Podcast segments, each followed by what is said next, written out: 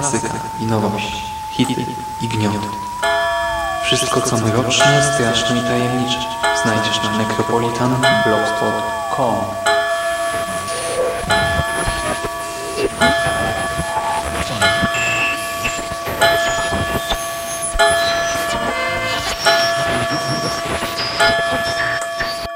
Witam w nawiedzonym podcaście.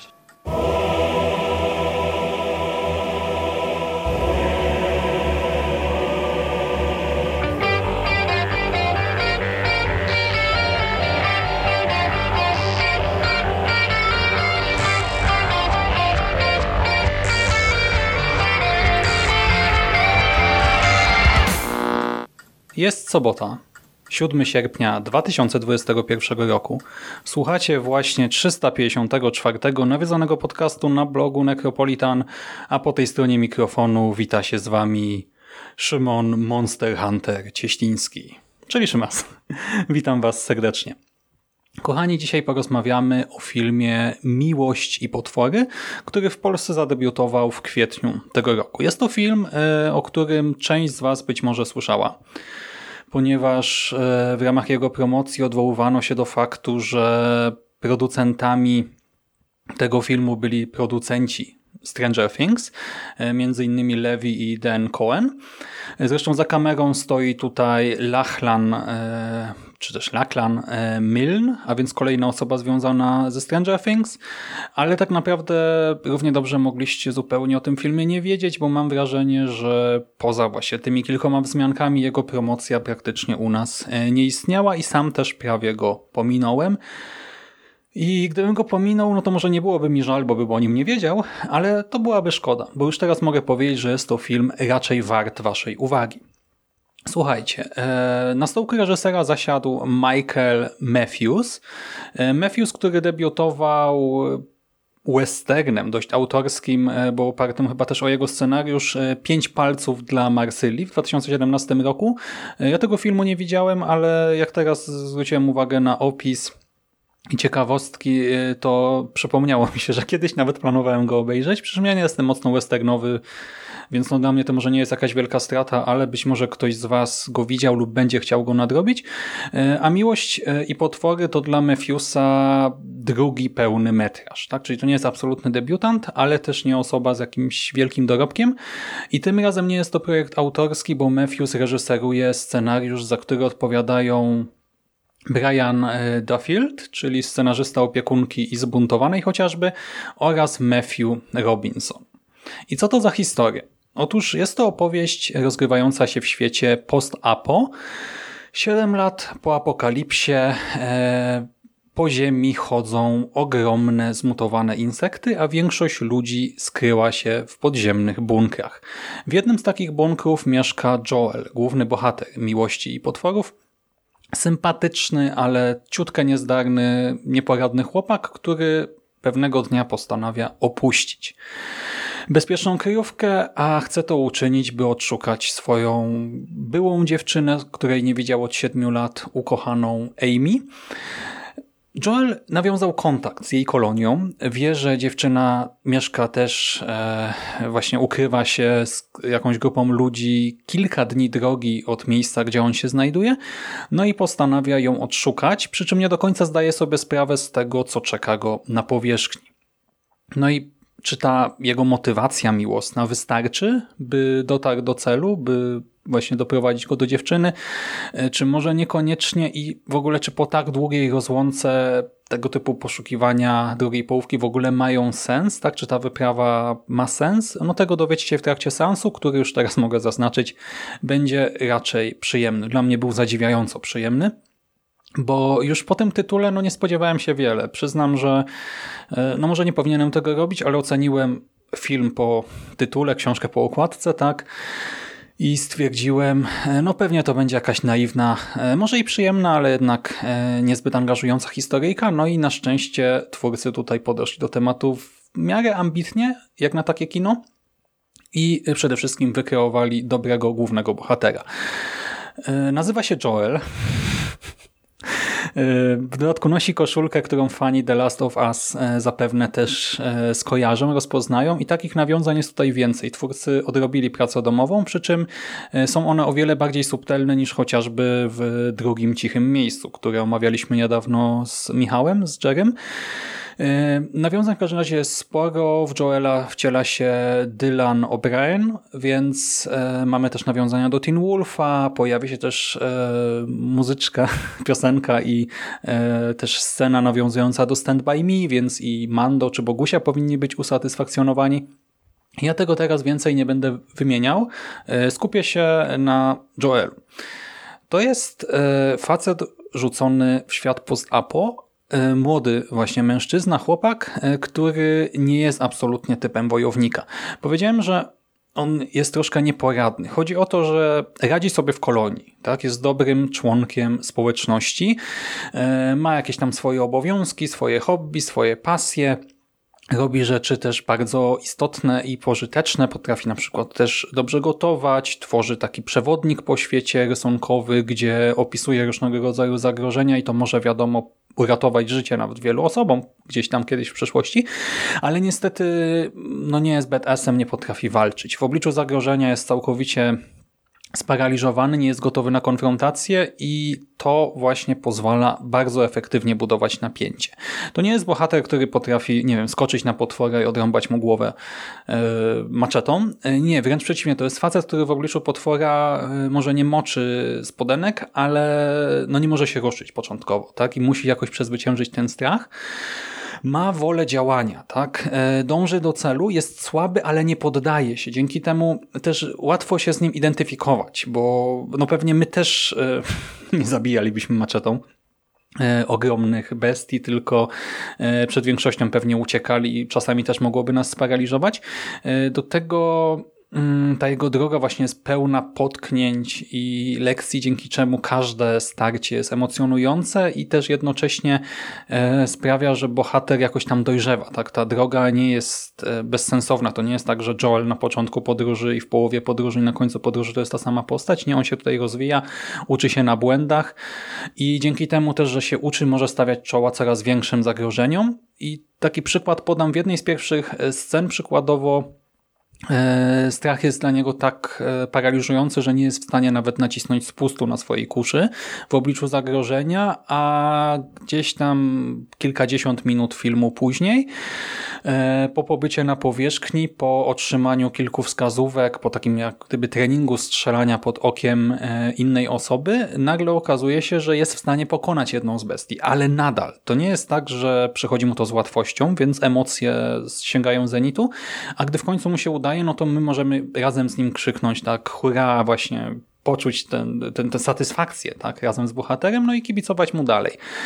Te starcia są emocjonujące też dlatego, że cały świat przedstawiony jest autentycznie groźny. Tak? Ten film subtelnie, ale bardzo konsekwentnie podkreśla, że no, to nie był dobry pomysł, żeby wyjść na powierzchnię. Na drugim planie albo w tle nieustannie widzimy elementy związane z tym zagrożeniem. Przykładowo, wiecie, mamy szeroki plan i nagle gdzieś e, w jakimś miejscu, które nie jest istotne dla fabuły tutaj i dla naszych bohaterów w tym momencie, e, ale widzimy je i tam jest jakaś wielka wyrwa, tak, którą prawdopodobnie e, zrobił jakiś insekt. Czy ciało martwego już, ogromnego, przeogromnego robala, którego na tym szerokim, dalekim planie e, widzimy jako właśnie nadal wielką bestię, martwą, ale no na samą myśl o tym, że to kiedyś żyło, e, może się zjeżyć włos na głowie czy plecach. E, mamy, nie wiem, jakieś mniejsze robale żywiące się czymś lub kimś gdzieś z boku. Bohater sobie gdzieś spaceruje i po prostu widzimy, że gdzieś coś sobie łazi, chodzi, e, pożywia się. Widzimy, nie wiem, rowery w pajęczynach, e, gdzieś wiszące wysoko na drzewach. E, widzimy czasami, nie wiem, całe zbocze z boku przeorane właśnie różnymi robakami i to wygląda na ogół upiornie i cały ten świat jest autentycznie właśnie pełen niebezpieczeństw, pełen zagrożeń, a do tego każdy niebezpieczny robal tutaj jest ogromny i jest takim swoistym kaiju. Tego nie widać, ja mam tutaj godzie, na koszulce. No i właśnie my tutaj właśnie widzimy te starcia, tak?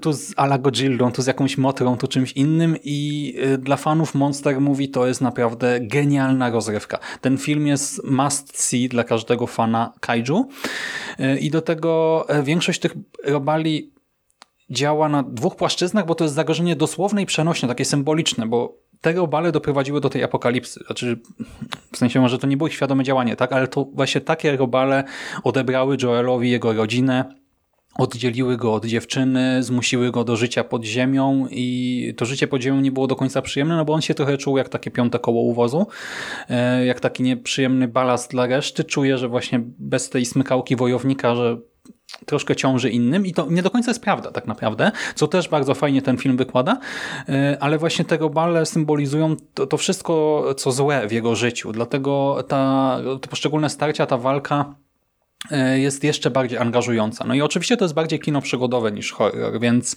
e, starcia rozgrywają się raczej w świetle dnia, tak, w promieniach słońca, a nie, nie wiem, gdzieś tam przy blasku księżyca na cmentarzu w nocy, ale nadal e, no mamy przykładowo jedną z pierwszych scen, która jest pewnie hołdem dla obcego. Tak? To jest e, sekwencja praktycznie wyjęta z obcego e, i te robale nawet e, w słońcu, e, właśnie gdy jest jasno, wyglądają nieprzyjemnie. tak Wyglądają na osobniki groźne, czasami obrzydliwe i tak dalej.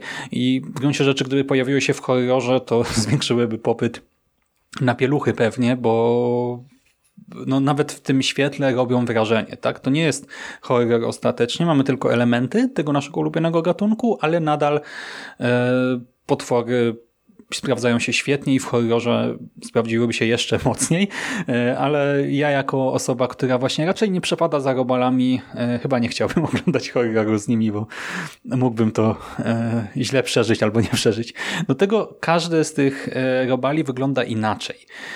Każdego rozpoznajemy jako zmutowanego robala z realnego świata, ale jednocześnie nie mamy do końca wiedzy, jak się będzie zachowywał, bo spotkamy tutaj, nie wiem, mrówki, żaby, dżdżownice, stonogi, ale nie zbysia, e, ślimaki, pająki i kilka tam jeszcze innych e, stworzonek. E, no i przeciętna osoba e, rozpoznaje tak, e, część z nich, ale pewnie nie ma bladego pojęcia o poruszaniu się robali, o ich odżywianiu, no chyba, że ktoś jest fanem nie wiem, National Geographic Discovery Channel, to może wie coś więcej, ale dla przeciętnej osoby to jak potem ten robal się porusza, no to nadal jest jakoś tam wiecie, ciekawe, nowe i zwiększające jeszcze to poczucie napięcia e, grozy i do tego każde kolejne starcie ma większą skalę. I to zagrożenie wzrasta wraz z przygotowaniem Dylana, e, więc nie ma tutaj monotonii, każda scena ma znaczenie, każda ma też specjalną choreografię, która jest przystosowana do scenografii, do CGI e, i chcę przez to powiedzieć, że to nie są może sceny zawsze jakieś tam epickie, rewelacyjne, zapadające głęboko w pamięć, ale ciężko się do nich przyczepić i na pewno są zróżnicowane. Właśnie nie ma tutaj żadnej monotonii. Sprawdzam, czy mi się nagrywa. E, kolejną zaletą e, są bohaterowie tego świata przedstawionego, e, bo poszczególne kolonie są troszkę takimi bohaterami kolektywnymi, są w porządku, tak? ale tutaj im się nie będę jakoś bliżej przyglądał, ale Dylan spotyka też NPC-ów, tak? bohaterów niezależnych. Natknie się innymi na psa o imieniu Boy, na specyficzną parę na Clyda i Minnow oraz na Mavis, której tożsamości nie zdradzę. No i Super jest to, że cała ta czwórka ma w tym świecie pewne doświadczenia, pewne przeżycia, emocje związane ze swoim funkcjonowaniem. Clyde e, nawet mówi do Dylana, co jest takim metatekstem e, We all have stories. Tak? Każdy z nas ma swoją historię i nawet pieska uczyniono pełnoprawnym bohaterem. Co to oznacza?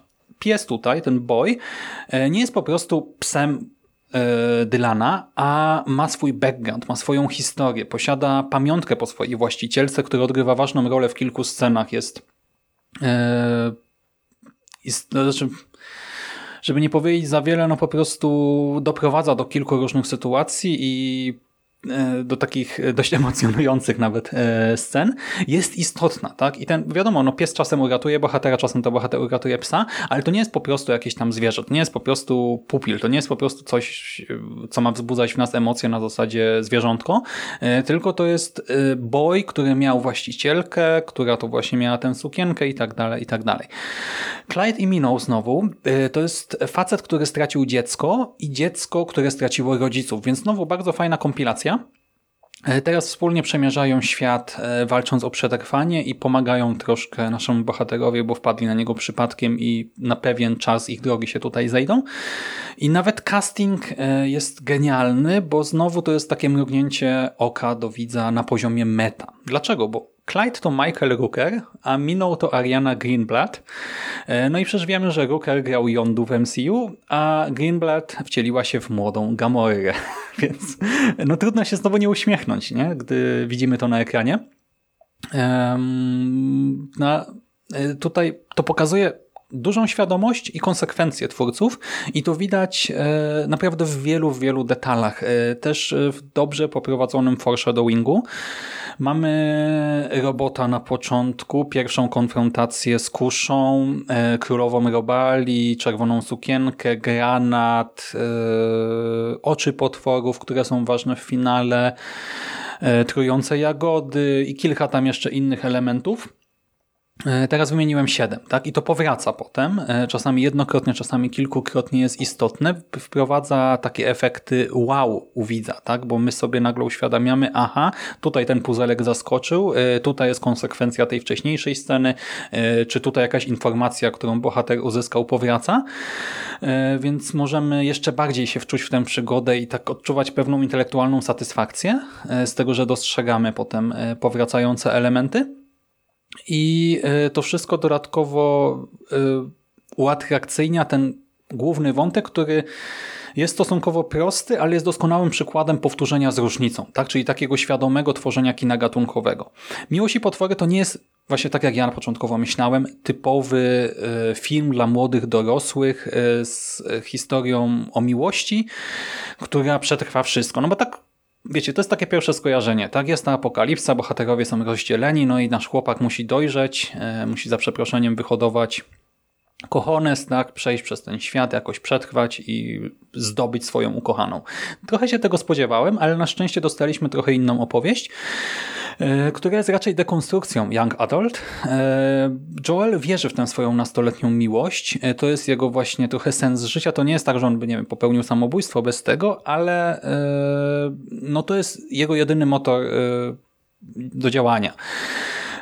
Jednocześnie bohater nie wierzy w siebie, tak? Czuje się jako ten balast niepotrzebny, więc opuszcza bunkier, opuszcza bezpieczną strefę, swoją strefę też komfortu, bo to nie jest tylko bezpieczna przystań, ale też miejsce, gdzie może sobie jako tako komfortowo funkcjonować i uczy się, uczy się właśnie tego funkcjonowania na zewnątrz. E, to są lekcje czasem nieprzyjemne, e, czasem trudne i to jest istotne, tak, że to nie jest po prostu droga, cięcie tam jakimś nożykiem, mieczykiem, maczetą i, i, i tyle i bohater w każdym stadium jest tą samą postacią. Nie, on naprawdę tutaj ewoluuje, a wątek romantyczny został rozegrany dość realistycznie. No i właśnie w związku z tym można przewidzieć pewnie tutaj rozwój akcji, ale to nie jest wada. Właśnie dla dorosłego widza to pewnie będzie do przewidzenia, a dla młodszego odbiorcy to może nawet być jakaś ciekawa lekcja, bo to, jest, to wszystko jest tak nawet umiarkowanie mądrze, myślę. Znaczy umiarkowanie w sensie. Nie chcę powiedzieć, że to jest wiecie, jakaś wielka nauka z tego wypływa, ale po prostu ten film jest rozsądny, sensowny też od strony właśnie tych wątków e, romantycznych. I tak naprawdę najsłabszym jego elementem jest chyba antagonista, który jest po prostu takim sobie cwaniaczkiem, e, który nie przypuszczał, że trafi na kogoś sprytniejszego od siebie i, i tyle, tak? Ale to nie jest duży problem, bo ten film nie opiera się na wielkiej konfrontacji bohatera z tym właśnie antagonistą. E, antagonista pojawia się w jednym akcie, odgrywa tam e, rolę tak naprawdę pretekstu do poddania Dylana próbie. E, I to ta próba Dylana, tak, ta ostateczna taka próba Dylana jest tutaj istotna, a nie nasz antagonista, więc to też jest taka wada, nie wada, nie? Bo no, antagonista jest raczej kiepski, ale jest na tyle nieistotny w całej opowieści, że nie będę się tego jakoś mocno czepiał. No i jeżeli chodzi o fabułę, o treść, e, no nie będę wam zdradzał e, niczego spoilerowo, więc przejdę chyba już do technikaliów, a te też stoją na wysokim poziomie. E, Milne za kamerą sprawdza się doskonale, scenografie są cudowne, te wszystkie efekty komputerowe też wyglądają bardzo, bardzo dobrze, a udźwiękowienie jest po prostu genialne. Wiecie, jako podcaster też zwracam na to trochę większą Uwaga, być może y, robale brzmią świetnie, ich ruch, różnego rodzaju takie odgłosy, y, czy jakieś ale okrzyki bojowe, to jak, się, jak brzmią, gdy walczą, gdy atakują, y, to wszystko brzmi cudownie, jest wyraźne i autentycznie wzbudza przerażenie też, gdy się to słyszy, więc strasznie mnie to cieszyło, aż trochę było mi szkoda, że nie słyszę tego w kinie, tak, tylko w zaciszu domowym. E, bo ten film właśnie świetnie brzmi, świetnie wygląda, a gatunkowo, e, znaczy nie gatunkowo, a to jest gatunkowe kino niezależne e, za raptem 30 milionów budżetu. I to trzeba tutaj podkreślić. Tak? Wygląda lepiej niż e, część blockbusterów, e, więc trzeba to docenić. Jest to też kino na tyle ambitne, by właśnie twórcy zadbali o te wszystkie detale, e, troszkę odświeżyli formułę, tutaj uatrakcyjnili historię. Ale jednocześnie jest to kino też na tyle przystępne, że można je oglądać jako po prostu film do popcornu. Można go oglądać nie wiem, z nastoletnimi dzieciakami pewnie, czy mogą go oglądać młodzi dorośli, mogą go oglądać po prostu dorośli i każdy może się bawić dobrze, po sansie nie będzie, nie wiem, doła czy jakieś rozkminy na kilka dni, e, ale tutaj e, to by nawet nie pasowało. Tak? To jest film, który ma jakieś tam przesłanko, ono jest e, przejrzyste i myślę, że dotrze bez problemu do odbiorcy.